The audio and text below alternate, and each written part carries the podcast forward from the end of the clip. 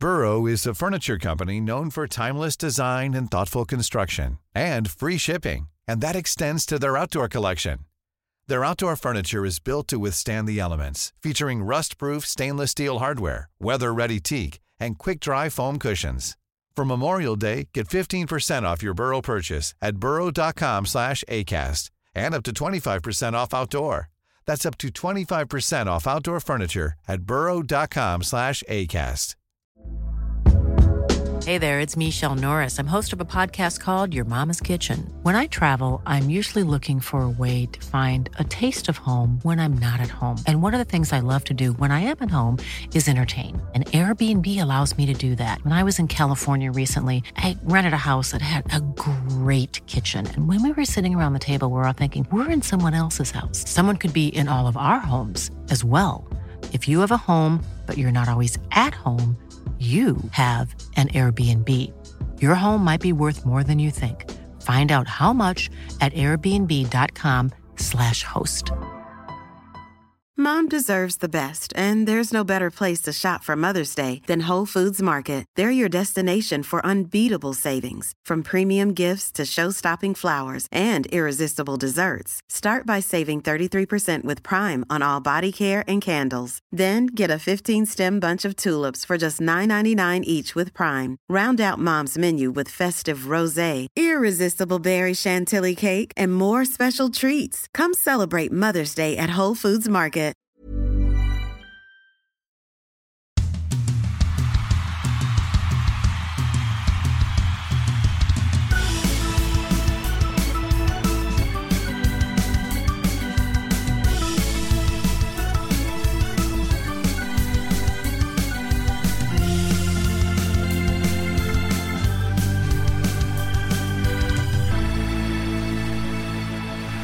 Välkomna ska ni vara till Rinkside som är nu mitt under uppehållet. Eh, vi eh, börjar med att notera att alla vi tre var ju i Stockholm förra veckan för att det var Stockholmsderby och sen 08-derby på fredagen. Eh, Daggen hade sin kommentatorsdebut, det ska vi fråga om lite senare, men av respekt för de som inte är så intresserade av hur man gör TV så kan vi ta det lite senare i podden. Men ni hade ju också en mysig dag tillsammans. Jag skulle vara med lite grann, men jag hade med familjen. Vilket gjorde att eh, min dotter satte stopp för det. Men vad gjorde ni en lediga dag tillsammans i Stockholm? Vi myste, eller vad säger du Fredrik? det är en av de finaste dagarna jag haft den här hösten vill jag nästan påstå. Ja men, när man börjar träffa nya människor och man trivs i varandras sällskap och vi, vi gick runt, vi har, vi har en gemensam, eh, eh, liten, vad ska man säga, vi har en en förkärlek för, bygg, för byggnader. Vi kollar, Fredrik visar slottet, här brukar jag gå alltid, jag tog med mig liksom. Sen kanske vi tog en öl, vi gick vidare till och tog en till öl, vi pratade spelidé, hur vi kan utveckla hockeyn, vi pratade minnen, vi skrattade. Det var, det var en, en dag jag kommer minnas väldigt, väldigt länge. Vi delar ju också alla tre landsortsfaktum. Alltså ja. någonstans så gör ju det oss så mycket mer exalterade av den där miljön som Stockholm är. Hur mycket människor man möter, jag tror vi konstaterar jag och Dagen, för vi gick från hotellet längs med vattnet nedanför Gamla stan. Och gick, där, gick vi, där var vi mest fokuserade på vilken byggnad som var kontoret i rederiet. Men vi, jag tror inte vi kom fram riktigt till vilken det var va? Det är rätt uselt spaning. Du, du visar ju också vart eh, Reinfeldt låg och sov förr i tiden. Ja, numera Ulf K. Ulf K. Har ni, äh, tog ni en selfie med Slottsvakten? För då har ni liksom varvat eh, turist Stockholm. Nej, men, ehm, men det, det, hade vi nog kunnat gjort. Vi vart ju, jag ska inte störda, vi vart ehm, Eh, vi, du träffar ju, vi träffar ju troj, trojaner, trojafolk. Ja, vi träffar lite Ljungbyfolk, det som eh, kommer hockeyklubbor i högsta hugget, har varit på Djurgårds Utanför slottet var det. Det kändes lite bisarrt men... Som kände min sambos familj, så eh, Sverige är väldigt litet när man går runt så i Stockholm, men det är ju Det var en härlig dag, vi fick liksom lära känna varandra ännu bättre och fick dricka en pilsner och vara lite avkopplade och få lite ledig tid. Det är då man lär känna varandra. Ja men det, så är det ju, och det, det som är grejen som jag tror ändå är relevant i sammanhanget, det är ju vi som delar samma eh, kärlek till hockeyn, som eh, alla vi tre gör och många, många med oss, många av de som lyssnar på det här är ju också fanatiker. har ju någonstans den gemensamma nämnaren hockey gör ju att vi har möjligheter till ganska spännande samtal. Eh, sen om man eh, jobbar tillsammans som vi gör och dessutom då inser att Ja men vi har, alltså det är personligheter som funkar ihop, så blir ju sådana där tillfällen trevliga. Så att eh, det, det tror jag gjorde oss gott, Simor gott och podden gott vi, och världen bättre. Det va? kan bli så att det kommer en ny helt spelidé i svensk hockey. Vi pratar torpedhockey, ja. vi pratar över... vad säger man? Eh, överbelastning i, i försvarszon. Men nu kommer Söderströms Jag tryckte ju upp dig lite grann. Ja, men jag, jag tryckte ju upp dig lite grann mot väggen på, i pianobaren på Scandic Malmen. Och då ska vi säga att det här var eftermiddag så inte folk får bilder nu att det var ju liksom, eh, Och frågade dig om dina alltså, tankar skulle kunna vara i hockeyns värld. Vilket jobb skulle du ha? Är det sportchef, eller tränare, materialet? Så att, eh, nej men vi lärde känna varandra. Det var, det var några fina dagar i Stockholm. Mm. Eh, och med det så går vi in på det som har hänt i hockeyvärlden. Vi, vi var ju där för att bevaka eh, både AIK, Södertälje AIK och eh, Djurgården AIK. Eh, nu gör vi en ganska del avstickare. I november är vi ju bara runt om i landet, så vi är ingenting i huvudstaden i princip. Eh, det blir en eh, bra mer spridning på matcherna. Det har ju varit ganska mycket Stockholmsderby, 08-derbyn här inledningsvis. Eh, men vad, vad har ni för efter Ja, vad är tankarna efter derbyt egentligen? Det är väl det jag undrar över med tanke på att nu har det gått en vecka nästan och det har fått marinera de, de känslorna som var där. Det var ju alla andra klubbars fans vart ju rosenrasande över att det var någonting häftigt i Stockholm. Och, och så, så kommer det ju bli såklart att man, man får se den här hela längden och vi står där, vi är ju liksom taggade till tusen när vi ser den här liksom trycket. Man, jag rycktes liksom med när jag stod där nere och det var helt och jag sa det tror jag i sändningen också, jag har inte upplevt ett sånt tryck på en hockeyarena innan. Så det är svårt också att inte ryckas med i det här, det här fantastiska som vi fick vara med i. För det var ju verkligen en, inramningen var ju grym i Avicii-arenan. Jag vet du och jag Lars kollade på varandra liksom, ta ut hörlurarna så får vi lyssna bara och njuta några sekunder för vi stod och liksom jobbade hela tiden. Men tog ut dem, tog in det i fem minuter, sen fick man jobba igen. Men det var ju och matchen levde ju ändå upp lite också tycker jag. Eh, kanske inte prestationen eller hockeyn i sig om man kollar på det var det bästa spelmässigt. Men det var ju känslor, det var mål fram och tillbaka, vändningar, komma tillbaka. Unga spelare som presterar, gamla som levererade och det, det fanns ju allt. Sen tror jag ju någonstans att det här det blir ju så, så, så fungerar ju media lite grann. Jag vet själv när man har jobbat för mindre klubbar, eh, hur supportrar kan känna att det finns en orättvisa i hur man hur det förmedlas lite grann. Och, och, jag har åtminstone respekten för att för en, en Tingsryd-supporter så är det större med, med ett, en, en stormatch i Tingsryd eh, än det är att se en hockeymatch på TV med Stockholmslagen. Så jag, jag tror man ska ha ett, en förståelse i det där. Sen att vi rycks med och tycker att det var en häftig upplevelse, det, det får de tugga i sig på något sätt, för det var det. Och det, det, vi är ju ändå neutrala i det här sammanhanget och kan försöka förmedla skärmen som kan finnas i mindre matcher, om jag uttrycker mig så, det, det ska ju heller inte underskattas. Var match har liksom sin prägel, men som helhet i det där derbyt så var det ju en väldigt fräck match och som den utvecklade sig, som den blev utförd, så fick den ju alla ingredienser och vi fick dessutom i mångt och mycket undvika att se skiten runt om, alltså bråk och tjafs. Ja, det var ju nästan det bästa, men jag vet själv när man spelar i Karlskoga och man kunde, Fredrik och Lars stod och hyllade de här matcherna hela tiden. Jag vet själv hur man kunde bli irriterad liksom. Men kolla våra matcher då. Kolla hur vi presterar, kolla hur våra publiker, kolla vi är bäst. Liksom, man känner ju den här vi mot världen-känslan när du är inne i det. Så jag förstår de som blir irriterade på det också men man måste, även när man var där och fick känna det här, det var, det var grymt. Sen måste, sen måste jag säga, vilken jäkla snygga bilder det blir med den här kameran när vi är ute på isen och filmar. Nu vet jag att det låter lite fjantigt när vi jobbar på Simon men alltså den är sjuk hur man får se. Det ser ut som ett tv-spel. Vet Du och jag pratade om det Fredrik. Hur snygga bilder det blir och hur man fångar upp liksom själva spelet också på ett helt annat sätt. Jag tror Lars snart kan berätta vad vi pratar om i korrekt mening, men, men från vårt perspektiv så var det något fascinerande. Eh, är det en hund som skäller? Nej, det är, det, är, det, är bo, det är grannen som borrar här. Jag bor i lägenhet och det, grannen har beslutat sig. Alltså, jag, jag, undrar vad de andra grannarna tänker. Jag sitter och spelar en podd 21.15 och någon idiot är att borra klockan kvart över nio? Alltså på riktigt, vem fan Jag borrar tänkte jag vågar inte säga vem har problem med ljud. Först tänkte jag att någon skulle kolla på Formel 1 för det var så... jag, var på, jag var på däckbyten Jag här skulle bara vilja se de Lars lägga på trampa iväg, vinterdäcken. dunk, dunk, dunk, två dunk och sen är det tyst bara sen. Jag, jag har ju inte riktigt den auran att springa och dunka i vägg. Jag blir, det känns som att eh, jag, jag hade inte blivit tagen på allvar. Eh, nej men eh, den här eh, kameragrejen har ju fått väldigt mycket fokus efter. Det kallas ju eh, Eh, det, man säger egentligen att det kallas för en Netflix-kamera. Det det är, det är det att den har ett helt annat skärpedjup som typ om du tar porträttbilder. Vilket gör att den klipper av från de andra bilderna. Det är vår kollega Adam Göransson som, som kör den där. Och eh, det kör till Adam som är väldigt duktig på det där. Han är ju gammal hockeyspelare vilket gör att han är snabb och rörlig på isen.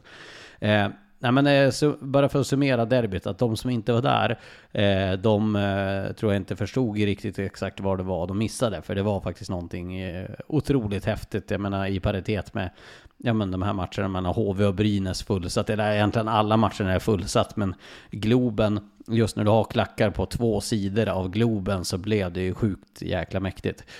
Men, och det går att säga hur mycket som helst om, men det är lite old news. Så jag tänker att vi går in på det som är hett just nu. Våran tanke med den här podden är ju lite grann att göra det här till en kvartalsrapport med tanke på att eh, nu har ju inte alla lag mött alla, men vi har kommit en eh, tredjedel snart in i serien. Och jag tänker att vi ska börja med dagens stora snackis har ju varit det om att eh, det har kommit ut rykten eh, som säger att eh, Västerås, det händer saker i Västerås, eh, där Håkan Ålund ska ha varit träffad, den sportsliga ledningen från Västerås. Och det här har ju blivit eh, eh, från flera olika håll, vilket gör att det är för många kockar i den här soppan för att det inte ska finnas någonting i det. Eh, och sen är det ingenting som är bekräftat från Västerås att man gör några åtgärder, om man tar in Ålund eller om man ska eh, entlediga Thomas Pannanen. Men det är mycket snack om Västerås som har underpresterat här just inför uppehållet. Vad tänker ni om situationen? Eh, jag tänker att det, det måste hända någonting i Västerås. Jag tycker att Dels så tycker jag att nyförvärven Spears, Sallimännen, inte tillräckligt bra. De, är, de, de färgar inte just nu. Men sen också, man får inte ut max av den här truppen. Man får inte ut vad jag tycker att de borde kunna göra. Eh, och där har vi ett problem. Dels så tycker jag att vissa matcher, toppen finns. Man kan prestera jättebra, det ser jättebra ut. Men sen så faller man igenom otroligt mycket i vissa matcher. Och där pratar vi lite om disciplinen innan, hur mycket det betyder en ledarfråga, vi ska prata om den. Men jag tycker också att det är en ledarfråga om att sätta standarden för den här truppen, hur man agerar i matcher, hur man agerar i vardagsmatcher. Och där har Pananen med company och Zetterström misslyckats. Zetterberg. Alltid ett fel på på- förlåt. Där har man misslyckats i år. Den måste liksom upp och jag tror att man måste göra någonting sen om det är rätt att ta bort Pananen eller om man ska ta bort Zetterberg. Något måste göras nu för de har en hög svansföring och då måste man också leva upp med, med prestationer och prestationer har inte funnits där i år. Jag säger så här, det, det, är ju, det är ju det här som är problemet. Vi har pratat om det flera gånger. Västerås sätt att föra sig, att uttrycka sig, att sikta, vilket jag tycker är uppfriskande. Jag gillar Västerås i, i mångt och mycket när det handlar om ambitionen som man har. Eh, sen tycker jag inte att den balanseras av det man har plockat in. Så jag tycker att, du är inne på det Dagen, så det blir lite repetition. Men, men eh, truppen som, som helhet innehåller många bra namn. Men jag tycker inte att paketeringen är tillräckligt bra.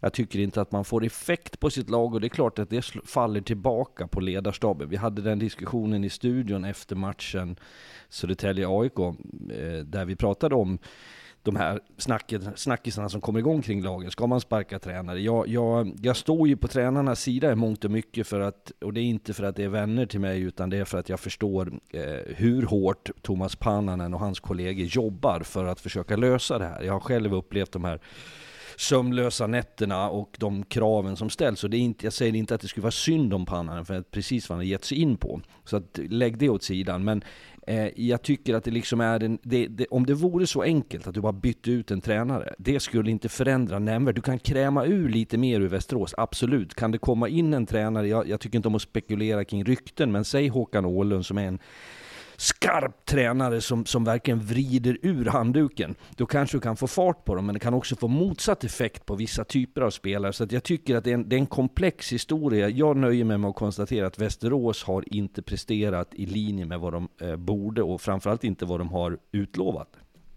Och eh, de frågor jag ställer kring det här, jag, jag, vet inte vem som ska leda det här laget. Thomas Pamman får eh, alltså man märker också hur kort spann det är i hockeyn. Det, det räcker med att backa tiden ett och ett halvt år så har Thomas Pannan det hetaste namnet att gå och träna en, ett SHL-lag.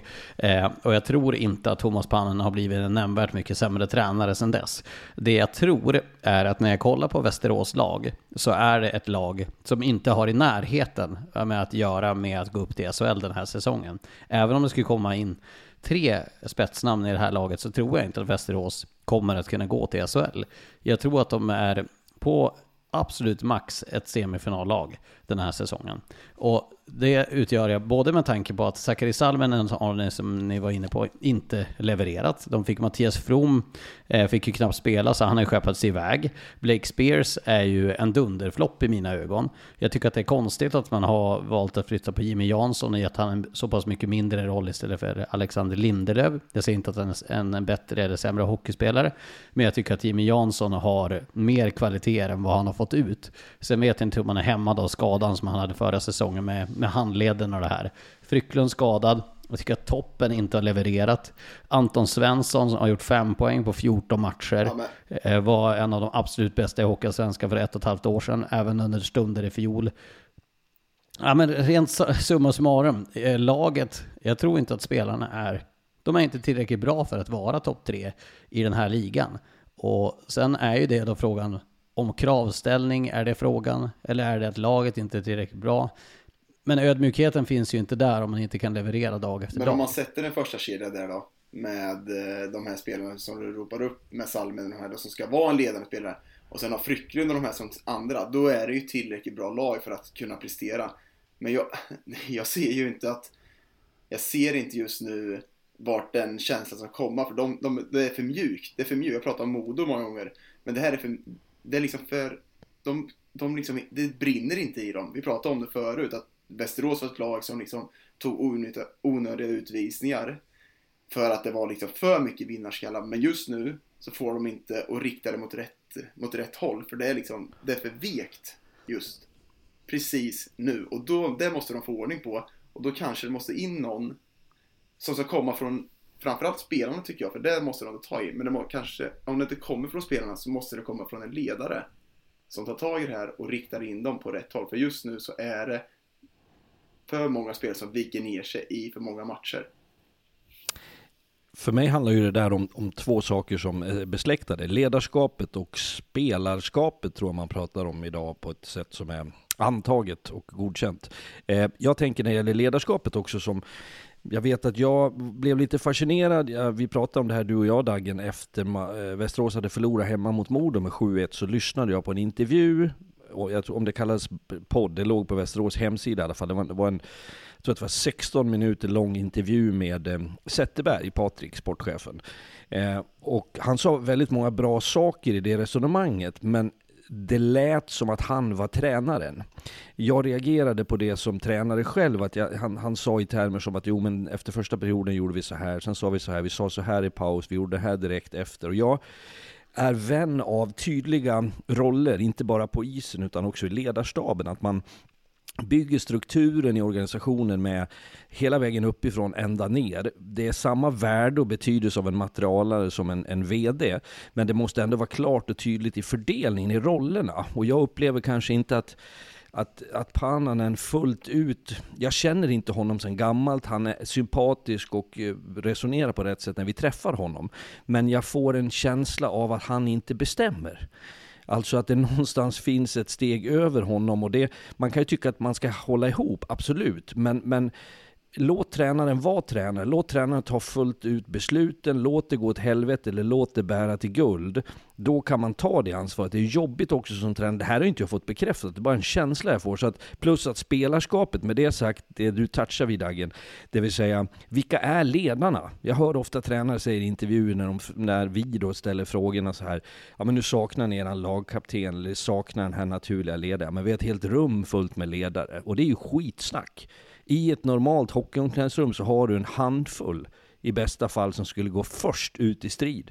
De andra är skickliga soldater, vilket är ett dumt uttryck i dessa tider, men för att få en beskrivning av det. Och det funkar inte att du har 25 stycken ledare. Det, så, så ser inte verkligheten ut. Nej, Nej jag, jag, precis, jag håller med dig Fredrik. Det, men det är frågan för vad de, vad de kommer göra nu, för det, det behövs ju göra någonting som vi pratade om. Antingen så, det, det måste ju liksom, för de har ju en svansföring som är väldigt hög, som vi alla tre gillar på något sätt eh, med den attityden. Men då måste man också prestera i paritet med det. De, de kan ligga på den här poängskörden som de är och vara helt okej. Okay. Men grejen är det att de dippar så himla mycket i vissa matcher och visar attitydsproblem i de matcherna. Det är det stora problemet tycker jag är att de inte har en jämn nivå. De hade kunnat ligga, de ligger ungefär på poängsnitt som, ja, som Karlskoga, som Södertälje, som man tycker har kanske presterat lite bättre, Södertälje till exempel. Men jag tycker i vissa matcher, till exempel 7-0 mot Modo, där visar man liksom att det är någonting som är fel i den här truppen. Och någonting som jag tycker också man bedö kan bedöma det på, det är att andra lag eh, har inte den där riktiga rädslan över att möta Västerås. Så upplever jag det i alla fall. Eh, det är många av lagen som tänker att ja, men det kan vara ett riktigt bra lag när de får medstuds. Men eh, det är inte det där laget som alla är livrädda för att möta när de får allting att stämma, för det händer så pass sällan. Men den stora grejen är också att om man kollar till hur spelarvärlden ser ut just nu, så finns det ju i princip inga namn ute på marknaden till att kunna göra revolutionerande förändringar på spelartruppen. Det som kan göra att någon kan komma in, någon kan försvinna och sådär. Men det är ju ganska många som har misslyckats. Jag menar, kolla på Parkonen har inte varit speciellt lyckad som man tog in. Man har, Spears har ju inte varit lyckad som jag var inne på. Salminen samma sak. Kokkonen är väl egentligen den tillsammans med Kik av nyförvärven som har, har levererat bäst. Och Ja, exakt. Men eh, det, det, det är ju fortfarande det problemet att det var vad är målsättningen med den här säsongen för Västerås? För jag är väldigt, väldigt svårt att, att, säga att eh, de tror själva på att de ska spela i SHL nästa säsong. Och då är frågan, kanske det bör vara dags att fundera redan nu på ett stålbad inför nästa säsong? För den här säsongen så kommer det en slutspelsplats, absolut. Men hur långt man ska gå där är ju en fråga. Och det är frågan hur mycket man ska dra i nödbromsen. Man måste ju skicka signaler till fans och så vidare att det ska hända någonting. Och då blir det ju oftast tränarkortet som dras, om än det kanske inte är det som är lösningen, det vet jag inte om det är. Jag tror du är rätt ute där Lars, eh, och det som är min slutsats i den här situationen är egentligen att du kan göra smärre förändringar. Nu är ändå Västerås sjua, man har två matcher färre spelade än, än ett gäng av lagen. Eh, två segrar, där teoretiskt så skulle man vara med på en hyfsad nivå, men jag tror att man måste fundera över återigen, vad är rimligt med det vi har? Du har en poäng Lars i att de som är tillgängliga idag, det är någonting som inte stämmer. Sen kan du göra några fynd, absolut, men rekrytering under säsong är svårt. Då är det en riktningsförändring du inleder nu. Men frågan är hur trovärdig den är när man för några månader sedan har stått och pratat i helt andra termer. Då får man kanske rida ut stormen över säsongen, göra smärre korrigeringar. Eh, sen tror jag också en sak när det gäller truppen, som jag, det är en egen erfarenhet jag har ibland är det bästa nyförvärvet någon som poppar upp när du skickar någon annan. Det vill säga, innan du börjar plocka på dig spelare, du kan inte sitta och vänta. Ibland får du göra, rycka ett plåster. Jag säger inte att det finns varbölder i, i, gruppen i Västerås, men precis i likhet med alla andra lag så finns det några som inte presterar tillräckligt bra. Och då får man kanske göra, det är ett signalspel det där. Tala om för den här rackaren att, vet du vad, vi klipper här internt har vi ingen ny spelare klar, men vi, vi frigör lite luft, lite energi i gruppen. Vi kanske plockar upp en juniorspelare i träningstruppen som kommer upp och älskar att vara där. Det kanske får fart på någon rackare. Det går att göra små saker i alla fall. Det här säger jag inte för att skydda tränare, för ibland är det nödvändigt. Men vi spekulerar väldigt mycket nu. Men summa summarum ja, får man men det blir ju så. att det känns ju som att det kommer bli så att Pannanen ut och en ny tränare kommer komma in och man får liksom lyssna på vad ryktena går. Och det, man får ändå säga, Pannan har gjort det jäkligt bra i Västerås, tagit upp dem från division 1 och gjort det bra. Men ibland så kanske man måste göra någonting tufft för att gå vidare. Tyvärr så är det väl den världen vi lever i. Jag, tror, jag, jag, eh, har ingen aning vad, vad resultatet av det här kommer att bli. Det jag tror, jag tror att de måste inse att ja men Salminen, det här funkar inte. Eh, klipp de banden. Eh, se om det är någon annan som kan plocka upp honom med, med omvärldsläget som är nu, att folk letar spelare överallt. Eh, försök få in någonting nytt där. Skeppa Blake Spears, se att eh, det går att hitta någonting bättre för de pengarna. Eller bara eh, alternativt, alternativt ge den istiden till Gabriel Kangas och de här som verkligen vill visa upp sig för framtiden. Sen vad som händer med Pannanen, det, det vet vi ju inte. Det, får ju, det kanske ni vet när det här har kommit ut, den här podden. Men jag tror hur som helst att Västerås få sikta in sig på att eh, rensa ordentligt till nästa säsong och försöka hitta någonting som är väg framåt. Och, och framförallt vinna över fansen på sin sida igen. För det är ju det största tappet. Att de, de Västeråsarna tror ju inte på sitt lag längre. Ja, med det så kan vi väl gå vidare och eh, det är eh, som sagt kvartalssupport, äh, support, kvartalssupport, det är kanske är det vi behöver, det är kvartalssummering, det är kanske en support vi behöver. Vi kan väl ta, vill ni börja med toppen eller botten, vad känner ni för där? Klättra uppåt då, sakta men säkert. Ja men vi klättrar uppåt. Vi har ju pratat väldigt mycket om AIK här nu senaste veckorna, vi kommer in på dem också, men vi ska bunta ihop, jag tar ändå bort Kristianstad från eh, bottensjoket. Så de fem lagen som vi inkluderar i det blir Vita Hästen, Västervik, AIK, Tingsryd och Almtuna. Och Almtuna hyllade ju ordentligt här för en vecka sedan och sa att de var jättebra. Nu är de ju klappsist. Eh, jag tittar på siffror. Eh, dels har ju jag och Daggen fått lärt oss lite mer om hur vi ska titta på siffror också genom det eh, Sport Logic då, som klubbarna också jobbar med. Eh, vilket kan vara intressant och relevant. Sen är det inte världsomvälvande och det är inte sanningen alltid. Eller siffrorna är ju sanna, men, men det, det finns en massa faktorer. Men tittar man på Almtuna så så är de bättre, mycket bättre i siffror än i poäng och tabellposition just nu. Och jag, jag kan bara känna att jag lägger en filt över hela den här ligan nu, över svensk hockey med det jag säger nu. Och det är att ibland upplever jag numera att det är hos många viktigare med en, en spelidé som ska följas dag ut, dag in. Alldeles oaktat vad som händer i omvärlden, i tabellen, om vi vinner matcher, vi har skadade spelare eller inte, som gör att man lever upp till en, ett gäng eh, punkter i spelidén. Ehm, eh, eh, playbooken, eh, men man vinner inte matcher. Och jag tänker att det finns vissa lag som inte har utrymme för att vara eleganta, fina siffror, spela en fin, underhållande hockey, men förlora mycket matcher, för det kommer så negativa konsekvenser av det. Där tycker jag att Almtuna är lite just nu. De vinner inte matcher, de, de klarar liksom inte av att spela cyniskt. Det var det vi pratade om, Antuna, att vi var imponerade av det fina spelet, att de var skickliga liksom i spelet, bra med puck, spelade ut sig i zon lätt, tog sig mot mål snabbt. Och på sikt kanske det inte var vinnande med att vi var väldigt, vi var ju väldigt förtjusta i det. Men nu måste man också hitta tillbaka till ett sätt att vinna matcher och då kanske man måste grisa ner sig på ett helt annat sätt.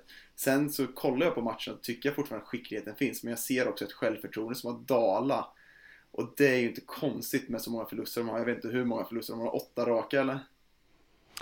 Ja, och, och där tror jag i och för sig att Almtuna har ju positionen, det tror jag vi har sagt vid någon podd tidigare. Det är inte samma massiva tryck som när Västerås nu går lite knackigare som ligger sjua. Eh, och det gör ju tillvaron lite enklare, men lik förbannat så blir ju spelarna och för all del tränarna också stressade av det här och påverkade av det. Och ett dåligt självförtroende, då är det oerhört svårt att spela hockey. Ja, något som är viktigt. Almtuna har inte vunnit sedan 17 oktober kan man bara flika in där. Och den känns. Eh, och Ja, och det är klart att det, då börjar det ju kosta. Dessutom har de ganska många matcher de har blivit nollade. De har alltså gjort 0, 1, 2, 3, 2, 1, 0, 0 mål. Och det är klart att det kostar. Men något som är viktigt i Almtuna tycker jag, som man såg i början, så det här fina spelet, bra spelet, skicklighet som vi pratade om. Det är att jag vet att jag hade, hade jag varit eh, där så hade jag bara ja, men grotta ner, kämpa, kämpa mer. Jag tror att man måste liksom på ett sätt lugna ner dem. Vi kommer börja vinna, vi har vunnit förut, det finns i vårt spel. Men sen kanske justera lite saker där man kanske måste på något sätt ibland chippa ut en puck eller spela blad. Men ta inte bort helheten av det spel som var fint i början och som var vägvinnande. Men det kanske på vissa spel, ja, ur zon, in i zon, göra det lite enkelt för att hitta ett sätt att vinna just nu. Men sen också ha kvar den här fina Kimby-hockeyn som de har visat upp i början. Om vi vänder till Västervik där, de har ju alltså tagit eh, 7 poäng av de 30 senaste. På 10 matcher har de tagit 7 poäng. Eh, Brickley har eh, gjort ett mål senaste 7 matcherna. Eh, Vela har gjort ett mål senaste 11 matcherna. Och det var ju de som ledde laget från början. Så nu har de ju liksom kommit tillbaka till en verklighet som kanske är hållbar. Eh, det är ju inte tänkbart att Vela ska göra som han gjorde i början. Han gjorde två mål eller ett mål i varje match. Och att Brickley gjorde fyra och fem poäng på vissa matcher. Så där har ju Västervik kommit tillbaka till lite grann eh, någon form av eh, hållbar vardag Västervik är ju lite ett humörslag för mig på något sätt. Att när de hittar flowet så, så har vi svårt att förklara varför. När de förlorar matcher så förstå mig rätt så tar vi inte några större notiser om det för att det, det finns ändå en rimlig till, till, återigen koppla det till Västerås. Det är Vevik och VV, Vevik och Vik. Två lag som, som eh, har väldigt olika bild av sig själva som lag. Och jag tror att för Västerviks del så handlar det om att ta sig ur de här kortare eller ja, svackorna som kan uppstå och har en tendens att också göra det och tycker jag också har bevisat att de har individuellt skickliga spelare som faktiskt kan göra det. Sen är de lite ihåliga spelmässigt i form av truppen som jag tycker liksom det, det, är inte tillräckligt många som är tillräckligt bra där just nu. Men jag litar någonstans, för jag kan inte säga med säkerhet, fast jag tippar dem långt ner, att, det liksom, att de har fastnat ner till, utan de där rackarna är så pass bra. Ja, och Vela och Brickley kommer inte vara så dominanta som de var i början. Det kommer dala av lite. Sen kommer de fortfarande göra poäng och de kommer vara ett ledande laget. Men jag tror de, de, de mår inte dåligt av att ligga där, Västervik. De är beredda på att det kommer bli en sån här säsong. Så jag är mer orolig för andra lag än vad jag är för Västervik och Almtuna som jag tror känner av ett lite mer lugn. Sen att Almtuna har en tuff situation, att de måste börja vinna, självklart. Men jag tror att också att de är mentalt förberedda på att de ska vara där nere. Vita Hästarna, de har ju faktiskt vunnit två raka matcher. 3-1 mot Tingsryd och 3-0 mot Almtuna här innan det här uppehållet. Och de går ju på en ganska skön känsla efter en ja, men en ganska tuff start på den här säsongen. Men Vita Hästen eh, börjar få igång lite poängproduktion nu på, på Tim Wahlgren. Eh, Erik Borg har gjort lite poäng på slutet. Marcus Eriksson eh, som ju missade några matcher där. Han har ju han har ju bara spelat över tio matcher eller vad det är. Eh, vad tror du om Vita Hästen? För det skiljer ju faktiskt bara tre poäng mellan de här som vi räknar ner i, i bottengänget till typ Östersund som ligger just ovan. Såklart är det ju så. Och det, det gör ju att det, det, är för tidigt att döma någon eller hylla någon, men vi gör ju det ändå. Eh, jag känner bara med Vita Hästen att det imponerade på mig att de här två senaste matcherna, i synnerhet man hade Almtuna hemma, för det, det blir ju en känsla av att det är tidigt, do or die, det är nu vi kan bevisa eh, och det är nu vi måste ha poängen för att inte liksom bli fast ensamma där nere. Att, att vinna dem, det, det gjorde något intryck på mig och att Eriksson steppade upp där och gjorde två mål till exempel, det, det är starkt. Så att, eh, men däremot så har de ju ringat in, tycker jag, att de tillhör de här lagen som får det jobbigare än en del andra. Måste bara flika in, han tog in Patrik Bajkov där från Kristianstad. Han gick ju rätt in i första kedjan med Marcus Eriksson där. Så att eh, han eh, har ju fått rida lite grann på den vågen och gjort poäng i sina två första matcher. Hugo Styv också som har varit eh, en bra spelare för dem. Som kommer vara en bra spelare som är en skicklig spelare på den här nivån också. Så det ska bli kul att se eh, hur han kan utvecklas mm. i ett kanske lite sämre lag som är bra för de här spelarna att vara i. Där de får ta större ansvar. Där tänker jag så här att det här med trader skulle vara jag vet inte, för, för en tid sedan, jag, jag, minns inte om det är ett år sedan eller tio år sedan som jag sa att det, det är ju ingen bra idé alls. Men det tycker jag. Eh, och det, det skulle vara jag förstår att det är problematiskt på olika sätt för att det handlar om skillnader i lönenivåer och eh, familjer och ett långt land och så vidare. Men på det hockeymässiga planet så är jag helt övertygad om att det finns en stor del spelare som just nu, så här långt, inte har tagit fart, som inte har fått igång sin produktion eller levererat spelmässigt, som i ett annat lag i ligan, under ett annat ledarskap i ett annat spelsystem, skulle göra saker och ting mycket, mycket, mycket bättre. Ja, men det var lite det som var min poäng med typ Sakari Salminen. Jag menar, en sån spelare skulle ju kanske i rätt omgivning med, eh, om han skulle klippa då från, från Västerås, skulle ju kunna helt plötsligt kunna blomma i ett annat lag om man ska hitta en bättre roll för honom. Eller kanske framförallt en bättre omgivning. För det, det är ju inte bara han som inte levererat, som inte gjort mål, men det kan ju också vara att man inte hittar den omgivningen för honom som ska funka. Vad, vad tänker du om det Dagen? Är det någon sån du har spanat? Nej, men man ser ju lite mer spelare som går mellan lagen här. Kristianstad plockar ju upp, eh, nu tappar jag namnet. Eh, Harper. Harper från eh, Mora där också. Mora. Som, ibland som Steve, som eh, Bajkov, ibland kan det vara bra att vara, vad sa vi för några poddar sedan? Det är bra att vara stjärna i ett bondgäng, en bonde i ett stjärngäng. Ibland, så ibland, vissa spelare passar bättre i andra lag vissa lag passar inte de spelarna in. Så självklart kan man verkligen hitta några spelare, guldkorn i andra lag. Vi pratade om att marknaden var lite liten förut. Men du kan fortfarande se de här spelarna som man ser något bra i. Man har bra statistik, man ser bra siffror. Kan han passa in? Vi såg ju Sportlag det, man kunde sätta in en spelare och testa honom i det laget, hur bra han skulle passa. Så sportcheferna kollar nog också lite på de här spelarna som inte passar in i vissa lagdelar, i vissa lag, för att kanske plocka in i ditt lag. Och vad som inte syns i Sportlogic, för du har ju helt rätt där Dagen, det, det, är ju relevanta siffror där, men det är ju också, som jag var inne på nyss lite grann, jag kan utveckla det kort, men, men eh, vi har allt ifrån sådana som vill bo i en större stad, ta Tingsryd som ett litet samhälle, blir familjärt, du är nära, du umgås med varandra, de spelar tv-spel och fikar och de, de hänger. Eh, någon tycker det är mycket bättre att bo i Umeå där det finns, vad vet jag, 25 000 studenter, det är ett fräckare liv att leva, någon passar i Stockholm. De där faktorerna har jag själv upplevt med spelare som som har hög kapacitet och skicklighet men som socialt inte... Eh, berätta en rolig historia väldigt kort. Evan McGrath som en gång i tiden var i Västerås och eh, Oskarshamn det, det, var något snack om att hans fru inte ville, eh, hon ville, de ville inte vara kvar i Västerås för det var för liten stad. Och då sa Oskarshamn när jag var tränare där då att hej, vi, vi vill ha dig. Och så började vi diskutera hur fasiken ska vi få dem att flytta till Oskarshamn om Västerås är för liten stad. Eh, och så vet jag att hon hade sagt att hon gillar italienska restauranger, så vi började prata och sa att men vi, vi Fan, pizza är ju italienskt. Pizzerier finns det många i Oskarshamn, så vi drog till med att det finns ju typ ett 20-tal italienska restauranger och det bor ett par hundratusen i regionen och då var det liksom hela Småland typ. Så de kom till oss och, och trivdes så vitt jag vet bra, så att eh, trots att vi blå... Gå lura alla man. Det var så till Ryan mm. Gropp. Ja, ja till, ett Great city. Great city. Men eh, William eh. Eriksson, AIK. Det är ju verkligen en som ja. kört fast i en stor stad eh, och ett, större, ett stort lag som ska prestera och det är en spelare som kanske inte har kommit in och presterat på den nivån som vi trodde han skulle göra få det här skjutset i karriären. Det är en spelare som jag tror skulle kunna ha utveckling i ett annat lag. Jag vet att Fredrik är väldigt förtjust i William också. Ja men absolut, och det finns ju, skulle vi grotta nu skulle vi säkert kunna rabbla 10-20 namn, vi gör inte det, men Helt rätt, det finns en poäng. Eh, annan miljö, bra.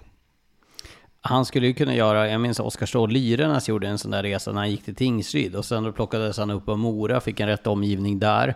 Eh, fick spela med Ludvig Larsson och, eh, och Wernblom. Blev dundersuccé, fick ett SHL-kontrakt och, och helt plötsligt började marknaden blomma och han började göra mål i SHL. Då får man det självförtroendet. Eh, det jag vill bara säga med det här Sportlogic, och här vet jag att jag har Fredrik i min ringhörna, jag misstänker att du också Dagge, men jag har än inte läst en enda parameter i det här Sportlogic där man kan mäta hjärnfrekvens eller vad som händer mellan öronen eller i pumpen som eh, pulserar ut blod i kroppen. Och den, så vitt jag har lärt mig, så är den ganska avgörande i hur en spelare presterar och det kan ni bra mycket mer än mig om. Men när man träffar en människa som inte mår bra och som hamnar i en felaktig omgivning, då kan siffrorna säga vad fan som helst. Eh, men eh, det är ganska skitsamma när du väl kommer. Sen också kan jag tycka att vi har blivit kanske lite för mycket slavar under de här Sportlogic-siffrorna. Visst, det går att säga jättemycket, det går att säga jätte, jättemycket bra grejer, men det är, siffror kan inte säga allt om en idrott, för så enkelt är inte sporten. Det finns ingen sport som någonsin har bevisat det någonsin. Eh, med det. Men det är ju det vi har sagt. Det är ja, det så inte du tror att du står i kontrast till oss här. Nej, Nej, det gör jag inte. Jag... Fredrik och jag hade väldigt eh, fin samsyn där, som vi hade hela dagen i torsdags. Nej, eh, det är jättebra med siffror. Det kommer fortfarande inte att lära oss allt. Eh, Tingsryd då? Eh, 0-9 här mot eh, Mora på två matcher efter kvällens resultat. Det är ju anmärkningsvärt, definitivt. Och eh, jag tror att eh, det här gjorde ju, för övrigt innan vi faller in på just Tingsryd, så det här skedde ju även förra säsongen vet jag, att Mora till exempel var nere och spelade jag tror de mötte Kristianstad två matcher, vidare mötte Troja, så de städade av fyra bortamatcher. Eh, och det har ju praktiska, ekonomiska skäl, och det vi som ibland kritiserar spelprogrammet ska veta om också att eh, klubbarna gör ju aktiva val också för att ha det på det sättet. Men för Tingsryds del, att då ha Mora på besök i ett prekärt läge och eh, inte göra ett enda mål, det är eh, tufft alltså. Ja, tufft, men Tingsryd är eh, för mig varken bu eller bä tyvärr just nu. De är där de är. Jag förväntar mig att de skulle vara där. De, de presterar inte sämre än jag trodde de skulle göra. Självklart att det ska presteras bättre i en sån viktig match mot Mora. Men ett bra Mora som pumpar på liksom varje kväll. Så det kan bli den här islossningen för dem och de är stabila bakåt. Så ja, de är där de är det jag trodde de skulle vara. Och där de kommer att fortsätta jag vara? Jag tror kanske. verkligen, jag tror inte de har en... De kan blixtra till lite under säsongen, men jag tror att det är den här nivån de kommer vara på också. Så inte direkt så att det rycker till i kroppen på att de hade att Mora åkte dit och vann med 4-0, för det är ett bra Mora. AIK då? Vi har ju pratat ganska mycket om AIK eh, den senaste tiden med tanke på att de har huvudmatch både onsdag och fredag förra veckan. Men AIK har ju också ganska ordentliga bekymmer med tanke på att de har förlorat eh, fem av de sju senaste matcherna. Eh, med, de har förlorat sex av de åtta senaste. Här ska jag först säga att både jag och Doug, vi pratade om det på kvällen där efter matchen, fick ju, eller vid frukosten kanske dagen efter. Eh, många arga aik efter oss eh, när vi förmedlar våra budskap, eh, vad vi ser och tycker och det kan vi ju än en gång eh, rapportera till de som lyssnar på podden att det är ett vårat jobb. Det är en del av vårt jobb att ha våra egna uppfattningar eh, kring lagets prestationer och så. Men det jag kände med AIK om jag tar bara den senaste matchen som har stuckit ut mot de tidigare, så upplevde jag en större, ett större mått av frustration.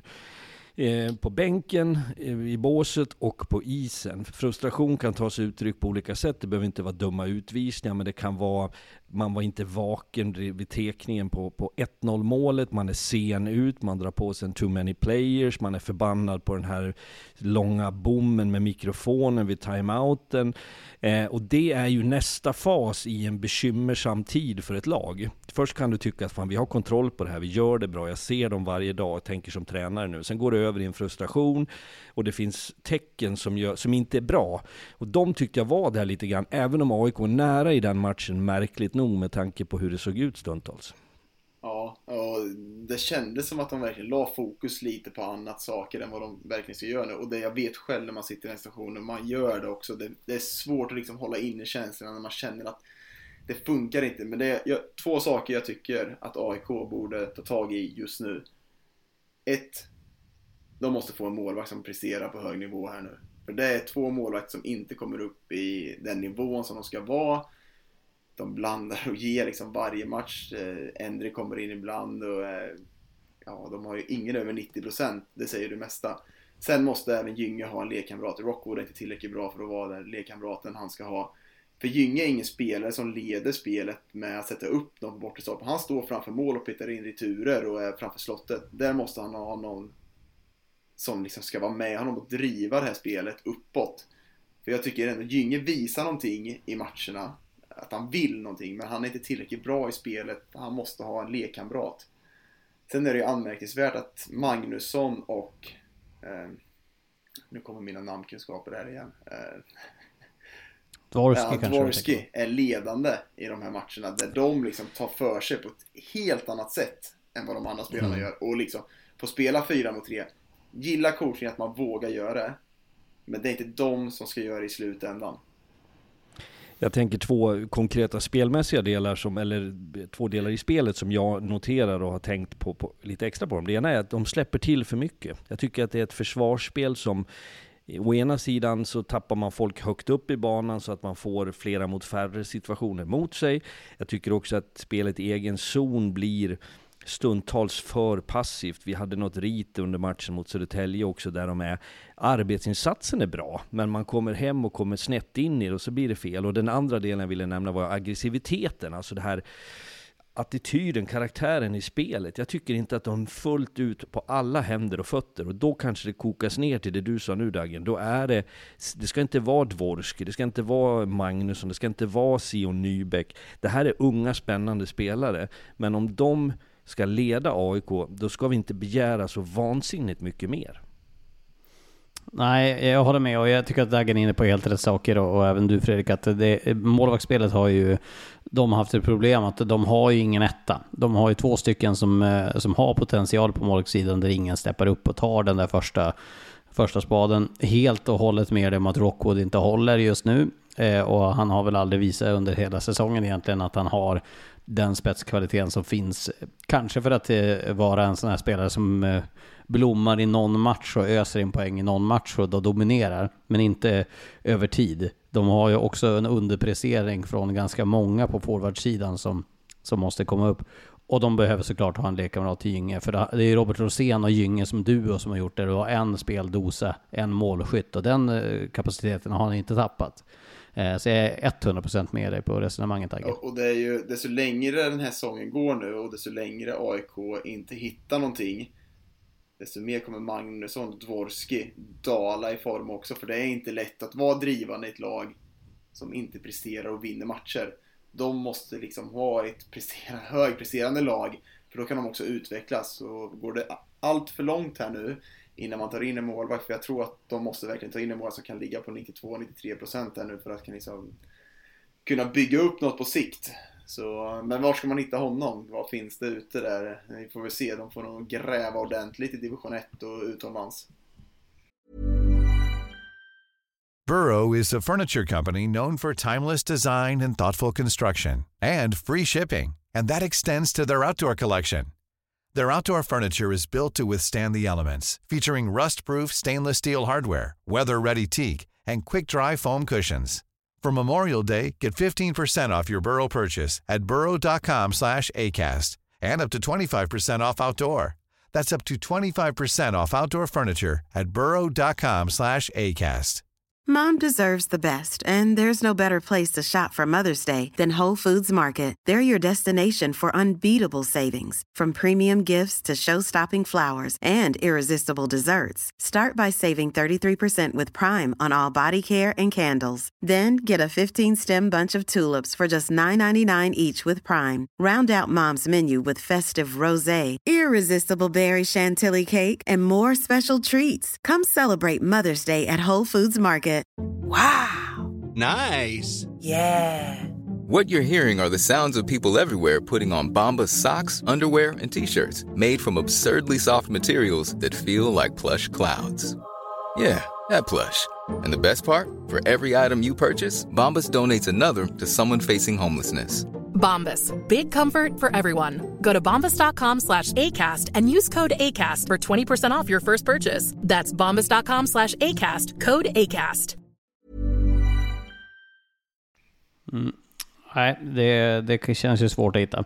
Vi får gå vidare lite grann. Vi kan väl ta ett mellansjok då. Vi har pratat ganska mycket Västerås redan, så vi kan väl ta Kristianstad, Östersund, Eh, ja, men vi tar de två Karlskoga då i det här sjoket. Vi kan ta med Mora där också så gör vi en toppkvartett där Södertälje får, får vara med i den. V vad säger ni om, eh, om Kristianstad då? De har ju spelat lite mindre matcher än de andra men eh, det är ju, det här känns ju som ett lag för mitten.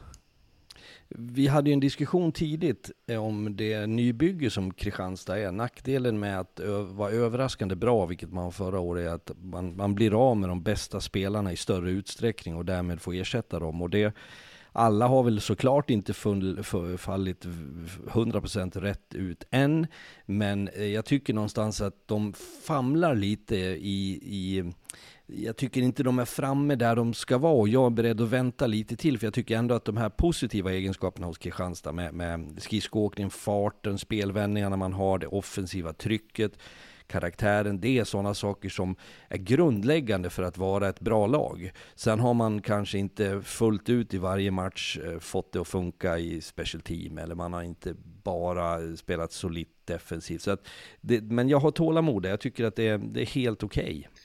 Ja, Kristianstad är väl det laget som liksom vi vet vart vi någonstans spelmässigt har. De, de ger sig inte i matcher, de, de har det trycket som Fredrik säger i skridskoåkningen. Sen så ska vi gå in på eh, Östersund som är väl den största överraskningen får vi ändå säga. De ligger i mitten, men det är väl ändå det laget som har presterat över sin förmåga i år. Eh, och liksom har verkligen visat, framförallt på hemmaplan, där man tar sina poäng. Sen måste ju också bortaspelet komma, men jag tycker att från att man har börjat säsongen väldigt bra med de här första hemmamatcherna där man tyckte man satt ett spel, man var ödmjuka i det. Från att tappa det totalt i några matcher där man liksom försvann all ödmjukhet. Kommer tillbaka igen och visar upp en, en bra hockey och framförallt välförtjänta vinster där på hemmaplan. Ja, släppte in sju mål på de sex senaste hemmamatcherna. Jag menar, det, då ger man ju sig själva en väldigt, väldigt bra chans att vinna. Det känns också som att där får de, då får de ha sina jämt, eh, jämtlänningar med sig och spela hemma i republiken. Snacka om att vända och vrida på den här säsongen från att släppa in 7-0. Ja, men just ja, det, just det är det som, som jag blir svårt charmad av alltså. För att det är vansinnigt svårt, i synnerhet för en nykomling. Du, du, du, har liksom tappat konceptet. Att bryta tillbaks, det tyder på en, en hög hockeyintelligensnivå hos ledarskapet och även i gruppen. Att man anammar det, att man förstod att nu är vi nere i skiten, vi har haft några riktigt rassliga matcher. Och så klarar vi av att ställa om. Det är riktigt skarpt tycker jag. Sen hörde vi också att eh, vi har ju fått mycket cred runt Kjell-Åke Anderssons coachning i matcher. Hur han coachar det här laget, hur offensiv han är i alla typer av coachämnen. Så det är väl... Han har verkligen fått fart på det från att liksom, som vi sa, upp i toppen, ner i botten, i mitten. Så kan de ligga jag där. Tror jag tror fortsatt att de riskerar att dras in i en bottenstrid. Det tror jag med. Det tror jag också. Eh, jag måste bara flika in eh, två grejer här som är en liten spaning när man kollar över det här laget. Emil Forslund har fortfarande inte gjort sitt första mål eh, och vi väntar väl fortfarande på att han ska eh, Alltså spelmässigt, jag har inte sett alla hans byten den här säsongen ska jag vara ärlig och säga, men, men eh, det känns som att han skulle kunna ta en ännu större roll i det här laget. Sen sa vi också efter eh, fem sex matcher att ja, Henrik Marklunds målskytte, det är på, det är på riktigt. Inte gjort mål på tio matcher sedan dess. Så att det, det är ju, ja. Men vi tar ju i så vi spricker och jag säger vi är det media, det är ju jättekul att prata om det i början, men det kanske Du är med hans, i hans den svängen nu Fredrik, så ja, jag säger du vill vi. eller inte. Jag ja, säger bra. vi. Ja, men någon som är imponerad på mig, som jag, som jag spelar med, som jag tycker har blandat och gett otroligt mycket i vissa matcher, det är ändå Anderberg. Han har ändå varit den här stabila backen, varit offensiv kraft för dem som jag tycker tar för sig på ett helt annat sätt. Jag, när jag spelade med honom så tyckte jag att han var han kunde vara jättebra vissa matcher men sen kunde han också vara totalt nere under isen i vissa matcher. Men jag tycker ändå han är den spelaren som liksom visar varje kväll vart, vart Östersund ska stå. Stor, stark. Flyttar bara folk framför mål. Han är ju som en oxe från Kil där som, som tar en köttbit och kastar ner i hörnet. Tre saker på Anderberg, korta. Ett, jag skulle vilja att du och han och, da, eh, och, och Olle Liss sköt slagskott, för jävlar med om inte det är ännu hårdare än Olle Liss emellanåt. Det andra är, jag tror att han har kört folkrace. Han och Stefan Klemets hade ett, döm om min förvåning förra året, en Södertälje-match när vi är i katakomberna där, så börjar Stefan Klemets, vår eminenta kommentator, och Anderberg att prata folkrace. Det tyckte jag var fascinerande. Och min huvudsakliga poäng, Anderberg är ju ett exempel på det vi nyss pratade lite grann om miljöombyte, roll, tyngden i ett lag, positionen, värdet eh, kommer med till sin rätt där. I och för sig var Södertälje eh, odugliga förra säsongen, men inte på pappret. Han kör folk Jag måste bara flika in. Ja men alltså det är så jävla väntat så det finns ju inte. Han kör ju också, det har jag sett via sociala medier. Bil? Jo, men han, han, han bryter väl upp eh, framdörren och så smäller han igen den bakom så han sätts in. Det är världens största det, människa. Ja, det är Ja, det. visst. Och han är stor. Visst är det? Alltså, Ja. snacka om folkrace-aura. Men grejen är så här med Anderberg. Jag tycker när jag spelar med honom så han är, han är ju riktigt liksom kompakt i kroppen, stark. Han, jag tyckte han var orörlig på isen. Tycker ändå att han, fan han ser mycket rörligare ut eh, i skridskon och bekvämare framförallt. Och det kan ju mycket med självförtroende göra också, hur man växer in i det på ett annat sätt. Så han, han har ju varit en verkligen positiv överraskning, som hela Östersund har varit. Det håller jag med om. Men eh, ingen tvekan om att han kör folkrace. Det är ju givet. Eh, eller har kört. Och banka på den där hjälmen. Ja, just det. Jag ska ju få ner den också. Eh, Karlskoga då? Vad, vad säger du om dem? Då börjar jag eh, och säga att eh, ja, eh, Karlskoga, jag måste fundera. Jag har ingen koll på Karlskoga, för så känns det. Jag får inte tag på Karlskoga, jag får inte grepp om dem. Jag tycker att det finns några saker som sticker ut i, i positiv mening. Eh, deras sätt att hantera den matchen vi gjorde i Modo till exempel, för att sen två dagar senare åka och avgöra på ordinarie tid med 20 sekunder kvar till varje mot Östersund. Där kan vi skratta åt att de tycker om att bo på hotell, hoj hoj hoj, ha ha ha. De får vara på Charmigt, Norrlands tycker jag. turné. Jo, det är charmigt, men, men det, det bygger man ju liksom ingen... Man går ju inte upp i SHL på att man är ett hej och hå-gäng som tycker om att bo på hotell. Sen förstår jag att det finns något gulligt i det, men det faktum i det sportsligt konkreta där, det var väldigt fina tecken till mig. Målvaktsspelet, det är bra, men jag tycker fortfarande att det är för liten eh, det är för lite krut i, i, i Karlskogas spel. Jag tycker, att de är, jag tycker att det är passivt, jag tycker att det är uddlöst, jag tycker inte att det, det är det jag hade förväntat mig. Nej, det är det inte. Det är två målvakter som gör att de ligger på den positionen de gör just nu. Och det är, det är någonting som inte stämmer i deras spel. Det går lite för sakta. Jag tycker Kristianstad-matchen, när man kollar på den i efterhand, jag hörde från folk att de var ju riktigt bra. Jag var tvungen att gå in och kolla på dem. Då ser jag en helt annan sak. Det är den här rappheten, skridskoåkningen, aggressiviteten, kaxigheten. Till att matchen efter blir totalt noll från den. Och de har ju haft problem på hemmaplan som jag är liksom förvånad över att eh, det är liksom varit, Nobelhallen har varit borgen innan. Det är svårt att komma dit. Och det är lite som Fredrik säger, jag ser inte riktigt det här. Det går lite för sakta, det finns inte det här spelet, det finns inte den här frejdigheten som jag vill se från det här laget.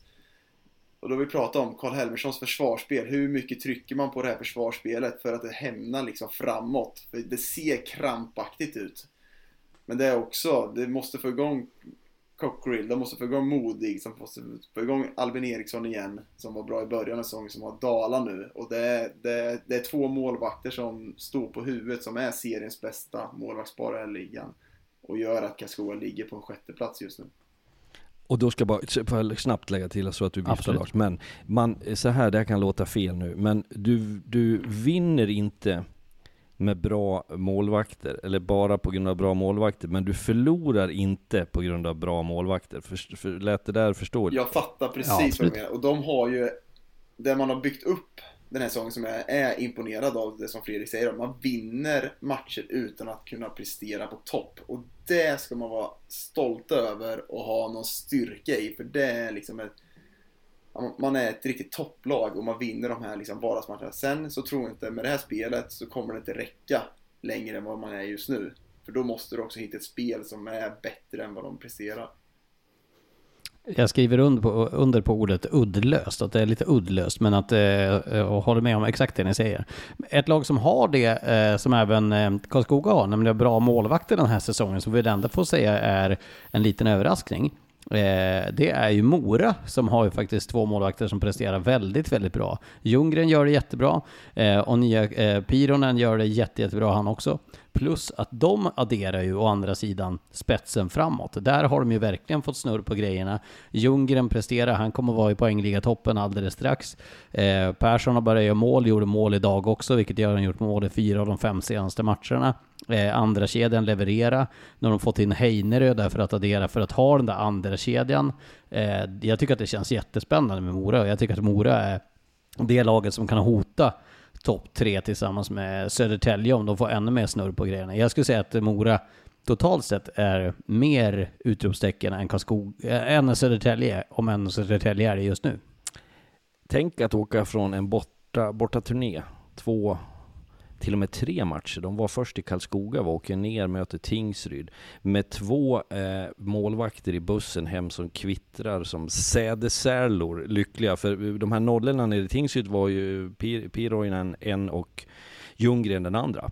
Eh, så det är ju verkligen ett gott betyg. Ja, vi, vi, har ju pratat och berömt Mora när det gäller spelet. Sen har jag varit, bara för att göra en parallell, vi pratade om Almtuna som jag tycker är väldigt konsekventa i sitt spel, men klarar inte av att vinna matcher. Eh, för Moras del, som också är ett lag som är väldigt konsekventa och som har, för att toucha lite grann vid siffrorna, så har de fina siffror. Och det är ju sånt som man ändå som tränare kan förlita sig på. Vi ställde Johan Hedberg, ska jag inte säga mot väggen, men vi frågade honom efter förlusten mot Björklöven under Superfredagen när vi satt i Stockholm och han stod på isen. Eh, hur resonerar du kring det faktum att ni gör lite för lite mål. Vi ser ju att ni, ni, ni, skapar och skapar bra möjligheter. Så finns det ju en trygghet i det, att förlita sig på. Det känner ju naturligtvis han till och ser dem varje dag. Så att det här har väl varit en fråga om när det skulle bli en form av utlösning, för att använda ett väl avvägt ord. Man är så jävla barnslig att man blir det. ja, ja, jag, det är bara ni som skrattar. Jag satt ju och såg stenseriös ut. Eh, men för, för man har ju varit impotenta tidigare ihop det. keep on giving. Ja. Nej då, men... Eh, Har du mer sexuella sans, anspelningar? Sans och balans. Mora gör det bra, jag håller med om att... Tyckte du sa sats och balans? men, men, men, men grejen är ju så här, och här, nu, fan vad jag blamear media. Men det är ju mycket fräckare att prata om Södertälje än vad det är att prata om Mora. Jag är mas själv, så jag vet hur vi som är landsortsbor, glesbygden, hur, hur, hur vi är behandlade i världen. Så att jag tror mer, och det tror jag faktiskt kan gynna Mora. Jag tror inte att Mora vill ha den starkaste strålkastare, eh, vad heter det, strålkastaren på sig, utan de trivs ganska bra med det här. Och sen har de ju, om man tänker mot förra året, så har de ju, som vi sa, Anton Heikkinen, Mikitina Schumberg, det andra kedjan är ju de är ju riktigt bra när man kollar matchen i Tingsryd idag så är de, det är de som leder framåt. Sen nu börjar de ju växla upp här nu. Persson har ju dunkat in lite mål här och som vi, som vi verkligen sa, det kommer komma. Han är målskytt, det finns där. Jag var ju otroligt frågande till den här målvaktssidan innan. De har ju övertygat eh, rejält. Och man får ändå ge Hedberg, jag tycker att han har satt en, en spelidé som är som liksom sitter varje kväll och det, de har fått med all, liksom alla på tåget. Det finns ingen spelare som faller ur den ramen och det gör ju att Mora är där de är och de kommer också bli bättre. Nu pratar vi positivt om dem igen. Får vi se vad som händer efter det här men eh, det är fortfarande ett bra Mora som jag är imponerad av. Jag tycker också att de är jäkligt roliga att se på, som ni är inne på. Jag menar, det är ju kanske det mest underhållande laget att se på i den här ligan just nu. Ja, för det är full fart framåt men stabil bakåt på något konstigt sätt. Men det är verkligen en offensiv som, som sprudar och det är väl det bästa defensiven att ta det framåt, eller vad säger du Fredrik? Ja, absolut. Jag är också lite nyfiken att se dem, jag menar inte att inte de har spelat tuffa matcher, men jag tänker så här, jag, jag vill se dem jag vill se Djurgården-Mora. Jag vill se Modo-Mora. Jag vill se Björklöven-Mora. Jag vet att de har mött de här lagen, men kanske inte i ett läge där, det är, där de är formtoppade. Eh, för att det, det, jag upplever att det är olika typer av hockey. Vi har ju eftersökt lite identitet 5 mot 5 hos Djurgården. Den tycker jag Mora har i sitt 5 mot 5 till exempel. Så när det där brakar samman olika verkligheter, det är alltid kul. Det är det mest sammanspelade laget. Det måste, Absolut. Det tycker jag verkligen. Hur de har satt ihop det laget och de har identifierat vad som var fel, tog bort de spelet. Tar in Heinerö som center, spelar idag. Eh, så det är ett sammansråat gäng och han har vi tagit med det från förra året också. In i den här säsongen och Hedberg har vi satt upp som en av de skickligaste tränarna här i den här säsongen också. Det, det, är faktiskt noterbart som jag var inne på. Jag var tvungen att gå och kolla det. De har ju faktiskt inte mött eh, Modo än. Jo, det har de visst. De, de ja, eh, förlorade med 2-1. Jag skojar bara. Ja, exakt. Förlåt. Eh, men de har, de har ganska mycket dubbelmatcher, några i alla fall, mot dem på nedre delen av tabellen. Så vi får se hur de går när de får testas igen då här då med tanke på att de har mött eh, Almtuna Tingsryd eh, här nu två gånger och BIK Karlskoga. Eh, vi går vidare då till, eh, till topptrojkan. Eh, Södertälje förresten, vi tar, vi tar Södertälje innan. Vad säger du om Södertälje då som jag har hittat en ruggig formtopp här och Nikola Pasic eh, hur bra som helst nu. Linus Widell ser ut eh, att vara grym nu. Ja, nu tycker jag verkligen han levererar. Vad, vad säger ni om Södertälje? Ja, jag börjar på de här som vi inte pratar lika mycket om, för det är det som, eh, och det är inte torrt och tråkigt, utan det är sakligt jag menar på att den breda massan i Södertälje tycker jag gör ett så pass bra jobb kväll efter kväll att vi får chansen att också se de namnen du nämner Lars som sticker ut. Vi pratade backsidan senast som jag tycker spelar en, en väldigt simpel i vackraste mening hockey som är rejäl och tydlig. Vi hyllade Ivarsson, vi hyllade Lang för att nämna några. Eh, Filip Engsund som balanserar som center.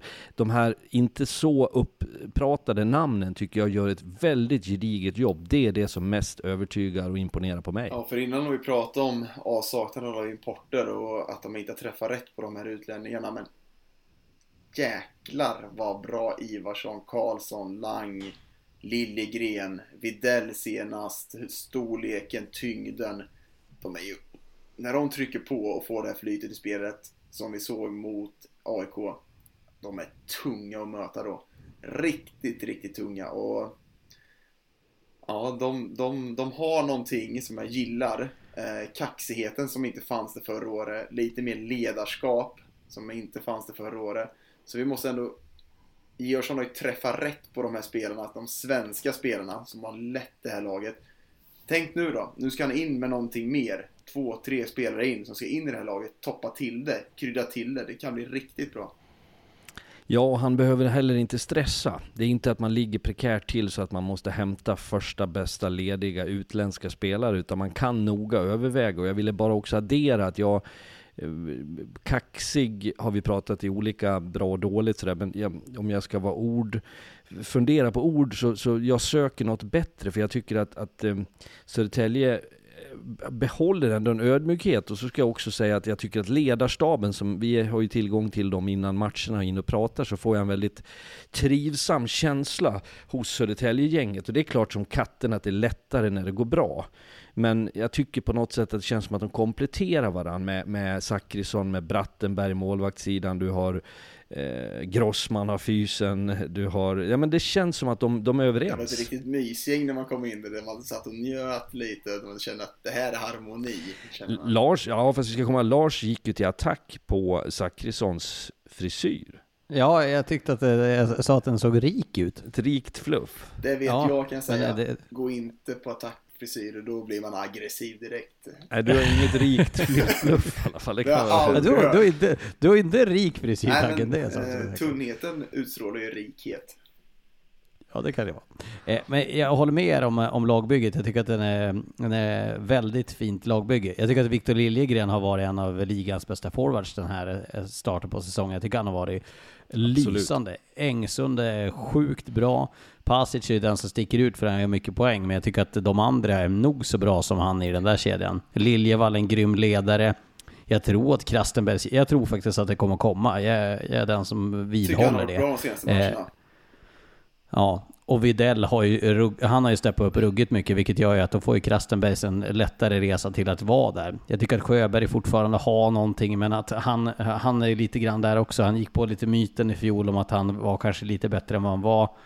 Eh, ung spelare, det blir lätt att falla in i den eh, fällan på något sätt. Gedigen backsida, det är ju inte den sexigaste backsidan i ligan, men en ruggigt bra. Ivarsson är ju som ni säger hur bra som helst. Jag ser ju också en till sak som vi, eh, som en motsats till något av det vi har pratat om tidigare, även idag.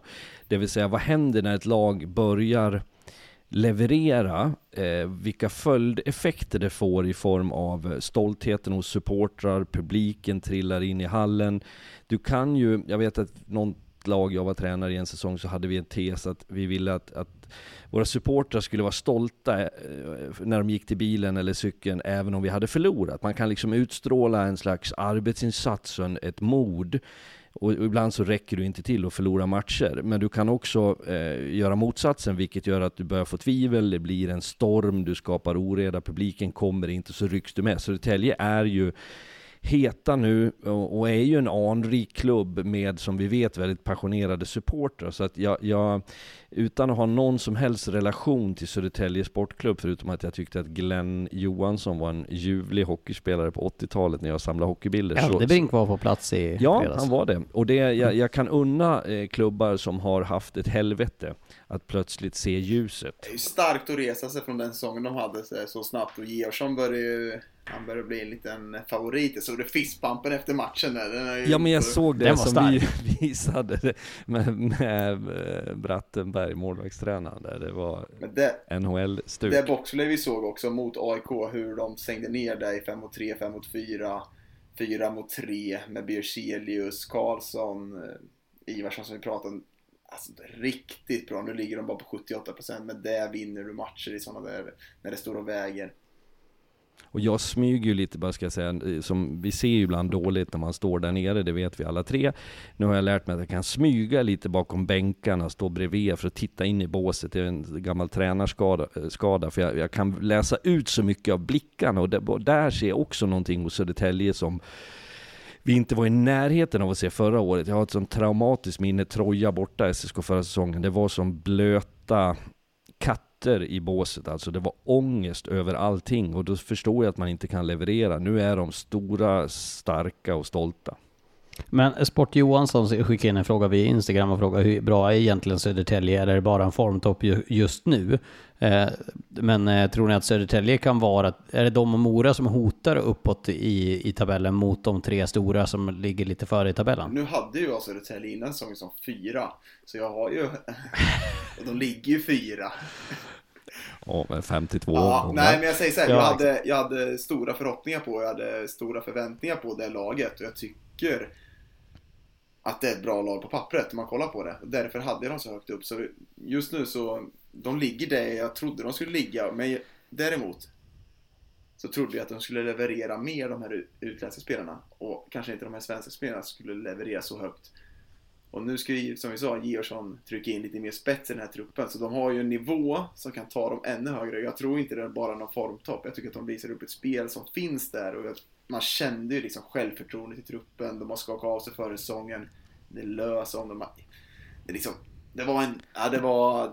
De, de mådde bra i det där omklädningsrummet. Jag är kort och koncis. De har bekräftat för mig att de är ett topp 5-lag. Eh, ja. Om de är etta, tvåa, trea? Nej, topp femma. Eh, sen får mm. vi se. Ja, håller med. Eh, bra, eh, vi går vidare till eh, nästa lag som är Björklöven som ligger trea. Eh, som har ligans eh, bästa spelare, eller i alla fall bästa målskytt med god marginal. Nick Schilke som har gjort 16 mål på 17 matcher. och som Johan Mr Maddox Svensson skrev på Twitter så var han ju faktiskt mållös de fyra första, vilket gör det här än mer imponerande. Torka. Nej, ja.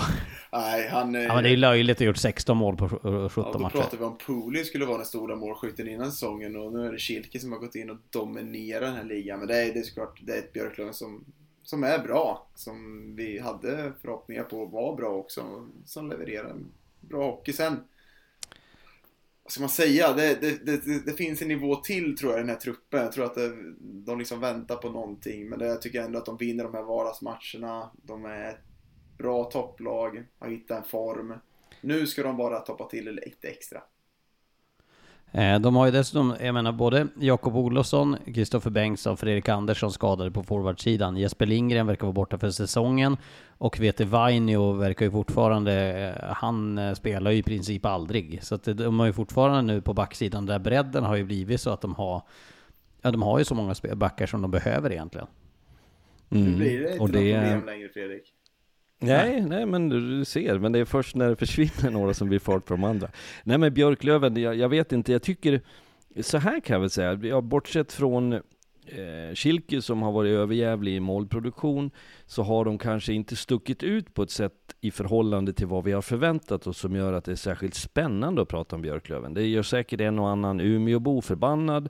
Då, då finns det någon sån här Björklöven-podden eller vad det kan heta, så de kan lyssna på som bara pratar om dem. Men vi förväntar oss ju vi begär, är hårda ord, att det ska vara ett topplag. Nu är de med i det där racet. Jag har mer noterat något sånt här, nu, jag uppfattade att det var väldigt kritiskt mot domarna efter förlusten mot Kristianstad. Men man har haft några förluster som jag mer, snarare har tänkt sig att det där hade inte jag förväntat mig av Björklöven. Lik förbannat så är man ett topplag. Det visar väl ändå att man är ett lag för det där racet. Sen får vi se hur de matchar till exempel Djurgården. Hur matchar de Modo över, inte bara en match på Hovet, en match i hemma, utan över tid. Mm. Oh, det... Sa så jag HV? Nej, jag sa Hovet. Hovet ja, tyckte ja, du sa. Ja. Nej, men det, de, de är bra när de, de, de är där liksom och ska vara där. Så jag, jag håller nästan med Fredrik. Ja, vi förväntar oss att de ska vara där. Vi hade dem som etta innan säsongen och jag tror att de har en nivå till i den här kroppen. Sen kanske de... Det tror jag också. För jag tycker också att de har vissa matcher visat upp det. Sen som Fredrik säger, det är vissa matcher de har dalat otroligt mycket i de prestationerna framförallt. Så ja, de är inte så sexiga att prata om kanske just nu. Och ändå har de en kille som gjort 16 mål som sagt, det, det jag tycker sticker ut med Björklöven är det att de har eh, vet inte om man ska säga, lite sjukt nog att säga, men att de, har ingen back som sticker ut sådär eh, nödvändigtvis som är den som verkligen det. sticker ut. Alltså det, det, är ju det.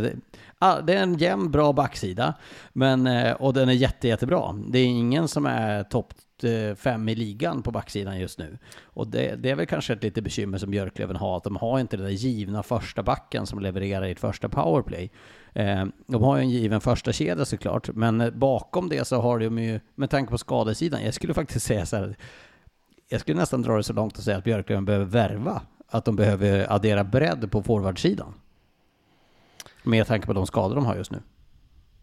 Tystnaden har varit jädra tyst. Nej, nej, men du kanske utvecklar det lite kort då bara. Så ja, men får, menar bara på att just, just nu så har de ju, eh, de får spela ganska mycket med de här unga spelarna som, eh, som kanske inte var tänkta att vara med i grundtroppen. Eh, de här eh, Holmer Hägersten, nu kommer jag inte ihåg exakt vad han heter, Elliot Ek, Ekefjärd och de här.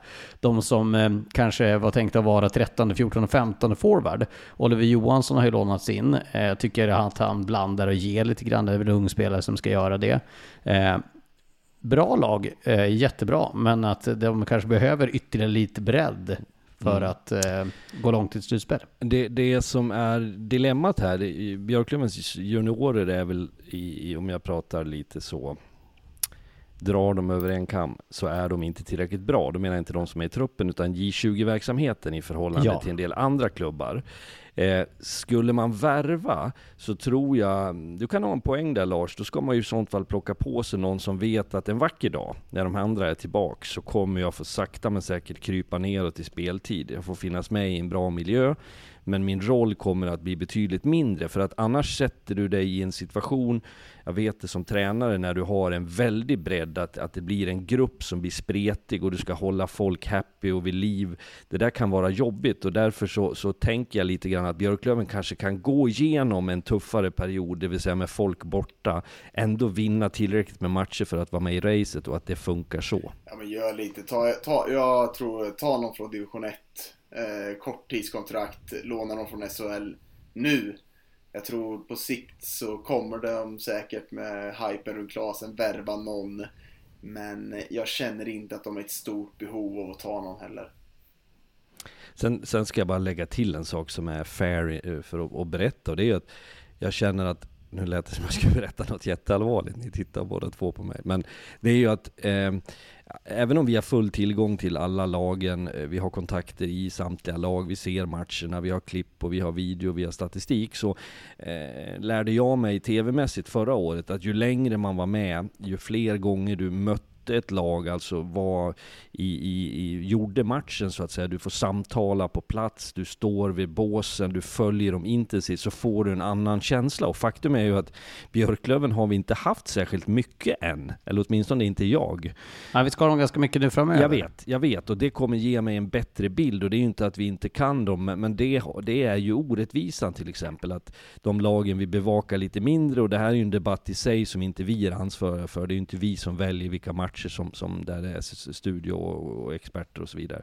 Men att det blir mycket lättare då att få, få, få tag på dem på något sätt. Du får en helt annan känsla. Likt Södertälje. Som ja, vi gjorde ja, senast. Man exakt. känner liksom hur självförtroendet sitter i kropparna. Ja. Mm. Eh, det, det jag har lärt mig om Björklöven är att de har kanske ligans eh, skönaste målvaktstränare, Björn Bjuling i alla fall. Han är eh, profil i den här ligan skulle jag säga. Han som kanske inte syns jättemycket i tv, men är en god grad prick som ett stort hockeynamn för de som har följt hockeyn länge. Eh, vi kan väl eh, med det bolla vidare till, till Djurgården då, som ligger tvåa just nu. Eh, de har vi gjort en hel del av förklarliga skäl, eh, med tanke på stormatchen förra veckan och sådär. Men eh, Djurgården Eh, man såg ju på fem minuter att Linus Klasen kommer att ösa in poäng i den här ligan. Ja, det gjorde man och man såg också att laget skulle varit bättre med Linus Klasens intåg. Jag tycker att det fanns en helt annan pondus i den där truppen i 5 mot 5 spelet som vi har kritiserat lite innan. Så tycker jag med eh, Klasens intåg så ser det, ser det bättre ut för Djurgården men det är fortfarande något som skaver i mig lite. Eh, likt matchen, om man kollar Västervik-matchen här där man ja, inte kommer upp i nivå på något konstigt sätt. Men sen ska man också ha klart för sig, de här matcherna som Djurgården åker runt och spelar i varenda lada, varenda stad. Det är, det är den största matchen för det laget som kommer och det slits och det skriks och det dras och det är den matchen de här lagen vill vinna till vilket pris som helst. Så det jag vill komma till är att jag tycker ändå att Djurgården gör det bra eh, på något sätt. Men det finns fortfarande en nivå till där Jag tycker inte det finns något någon struktur, något spel som jag varit inne på så många gånger i 5 mot 5 spelet. Sen har de en, en spets som är enorm. Jag lägger dem i samma korg som, som Björklöven på så vis att det är det lag vi förväntar oss ska vinna, vinna mycket, i stort sett vinna jämt. Och då, då tror jag att man blir lite avtrubbad, man, man söker också lite fel hos de här. Det tror jag vi gör generellt, att man, ja men det där är inte tillräckligt bra. De vinner matcher, de levererar, vi pratar Klasen, jag, jag, jag blev förtjust i ett faktum, jag tänkte på en sak, den matchen på Globen så kommenterade jag den ihop med Tobbe Karlsson. Och du vet, han sa vid en situation att att Linus Klasen med sitt härliga, sin härliga röst och inlevelse, gillar ju, är det något han gillar så är öppna ytor. Eh, och man kan vända på det där och säga att han, han, han gillar ju de små trånga gränderna, när folk sätter press på honom. Jag, jag kan tycka att vid den åldern, eh, att vara så lekfull i sitt sätt att spela hockey på, på ett, på ett ändå så produktivt vis, är, det imponerar på mig. Jag, det, det, spelar ingen roll vad vi pratar för, för människor, oavsett vad du gör i livet, men folk som har kvar den där förmågan att att, att prestera under press och, och leverera och bryta mönster, det, det, det skärmar mig. Och jag tror att det har en effekt på laget. Sen är, återstår det, det är egentligen min sista poäng, det återstår att eh, vad har de spelat? 15 matcher ungefär. Du kanske sitter med fakta Lars? Eh, jag kan ta fram det väldigt ja, snabbt. Eh, men, men att det, det är ju, de har ju en deras fokus ligger ju inte på här och nu. Det finns andra lag som behöver liksom vara med i, i, i racet. De vet att vi kommer att vara tillräckligt högt upp för att vi ska ge oss själva en möjlighet. Sen vill man vara etta, men vill ha fördelarna framåt våren i ett slutspel, såklart. Och det är väl den resan från nu och fram till kanske jul som jag tycker ska bli intressant att se om det har hänt någonting. Men Klas, Klasen eh, spel i 5 mot 5 när han går ner och hämtar puck hela tiden. Hur, som du säger, hur han leker 5 mot 5 spel, hur han mm. leker med pucken. Alltså han är ju, äh, det är en artist att titta på. Titta också på hans lagkamrater då. Jag tänkte på det eh, de här första matcherna han spelade och delvis också i, på, på Globe eller Avicii där, hur, hur, man ser hur de, fan nu ska han hämta, var, var skulle jag vara? Var, vad sa han att jag skulle åka någonstans? Alltså, 90-talen när centern gick ner och hämtade puck bakom mål och drev precis, upp ja, Han spelar ju lite, han bryter ju de grej när man liksom vill spela upp snabbt i fickan, chippa ner, han åker ner och hämtar den. Låter de andra Liss och och Kryger stå still på blå så kommer han in och hämtar in den, sen levererar han ut på kanten och får tillbaka den. Så härligt att se hur han liksom hämtar upp fart och tar den själv, bryter igenom. Jag är imponerad hur, hur bra han, han var när jag såg honom så nära. Och det väckte också en fråga hos mig, hur ska, hur ska man ta Klasen? Jag tänker som motståndare, hur är det det fysiska spelet? Jag tänkte på boxen till exempel, så fort Arne Klasen har puck, jag blir lite passiv för jag vet att sätter jag press så antingen så, så blåser han mig eller han släpper iväg pucken. Och det är ju någonting som med tiden de andra lagen måste lära sig att hantera så att inte han får diktera villkor. Det pratar vi om, hur Blomqvist coachade coachar Sandbergskedjan mot han i två byten, hårt. Släppte på det tredje, fjärde blev det mål, så fort han får lite utrymme så presterar de här spelarna. Och det, det, det Blomqvist coaching där i, i Idén var väldigt bra, men han gick ifrån det. Och då, där förlorade han också matchen. Eh, Djurgården har vi pratat väldigt mycket om, så jag tänker att vi går vidare från dem. Notera mm. bort att de har fått in Stefan Elliot där också på backsidan, vilket gör att den adderar ytterligare eh, spets på backsidan där. Eh, sista laget att prata om är då Modo, som ju har varit eh, höstens bästa lag. Eh, 61 gjorde mål, 37 insläppta, plus minus på 24, toppar tabellen.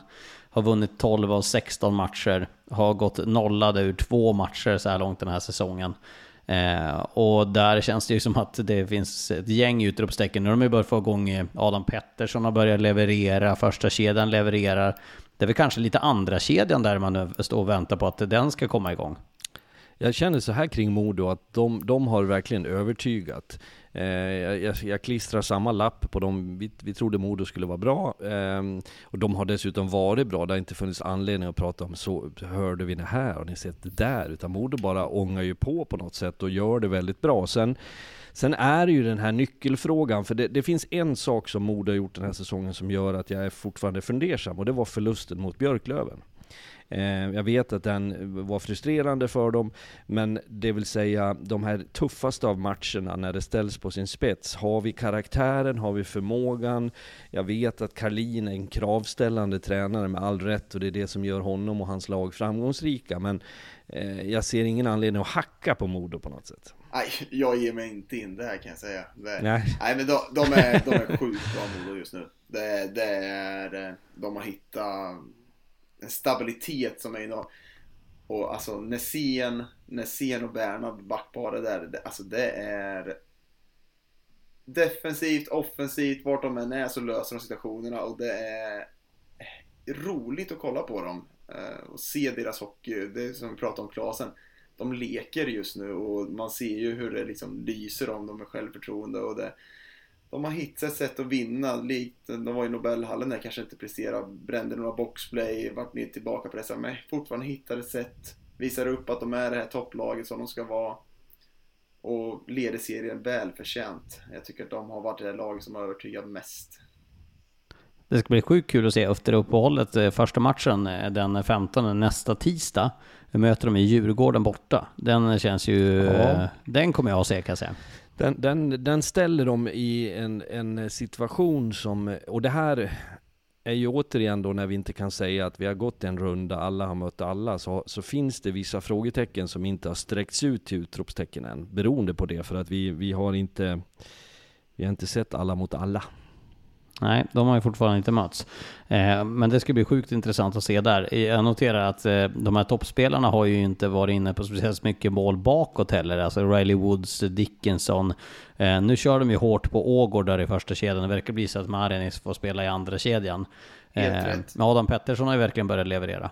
Ja, men de, de, de, de, ser, de ser fina ut får jag verkligen säga. De, är, de har hittat ett sätt att, och de, de levererar varje kväll och det är ju Woods, Dickinson, Agård, grymma. Sen får de med sig de här andra kedjorna också. Sen eh, ett back, backparet Bernhard scen är ju, som jag sa, eh, löjligt förtjust i dem.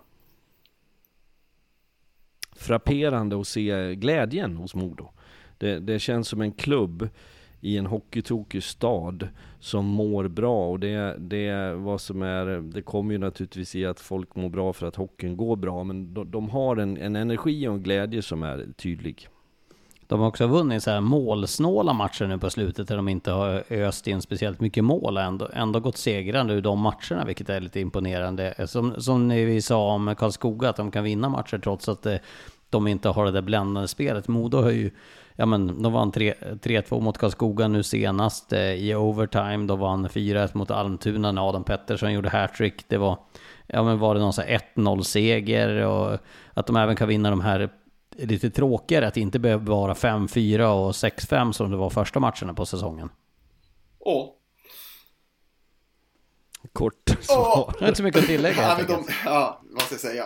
Moda är sjukt bra just nu i alla fall. De ja, det är de. Det är de. Det är de med, med det tycker jag att vi summerar att eh, vi har kvartalsrapporten är, är, klar och det är eh, svarta siffror, heter det på ekonomispråk, när det är bra för en, en en rapport. Och det har Modo. Ja, och vi ska också säga att kvartalsrapport är väl en fjärdedel. Och Ja, du sa förut att det var en tredjedel spelad. Så. Ja, Vi men- såg i förra podden att eh, Lars Lindberg kanske inte ska räkna något mer. Nej, jag kan ju tro att jag har läst matte det? E tidigare i 13 mitt liv. plus 14 är lika med 23. Ja, jag är- är kolossalt imponerande måste jag säga om mig själv. Men grejen är Eh, men det Fredrik så summerar vi inte det. heller. Vi bara, vi bara nickar. Nej, Ja, ja, det nej, nicka med. Duktiga skolpojkar. Eh, vi hörs igen om en vecka. Ta hand om er.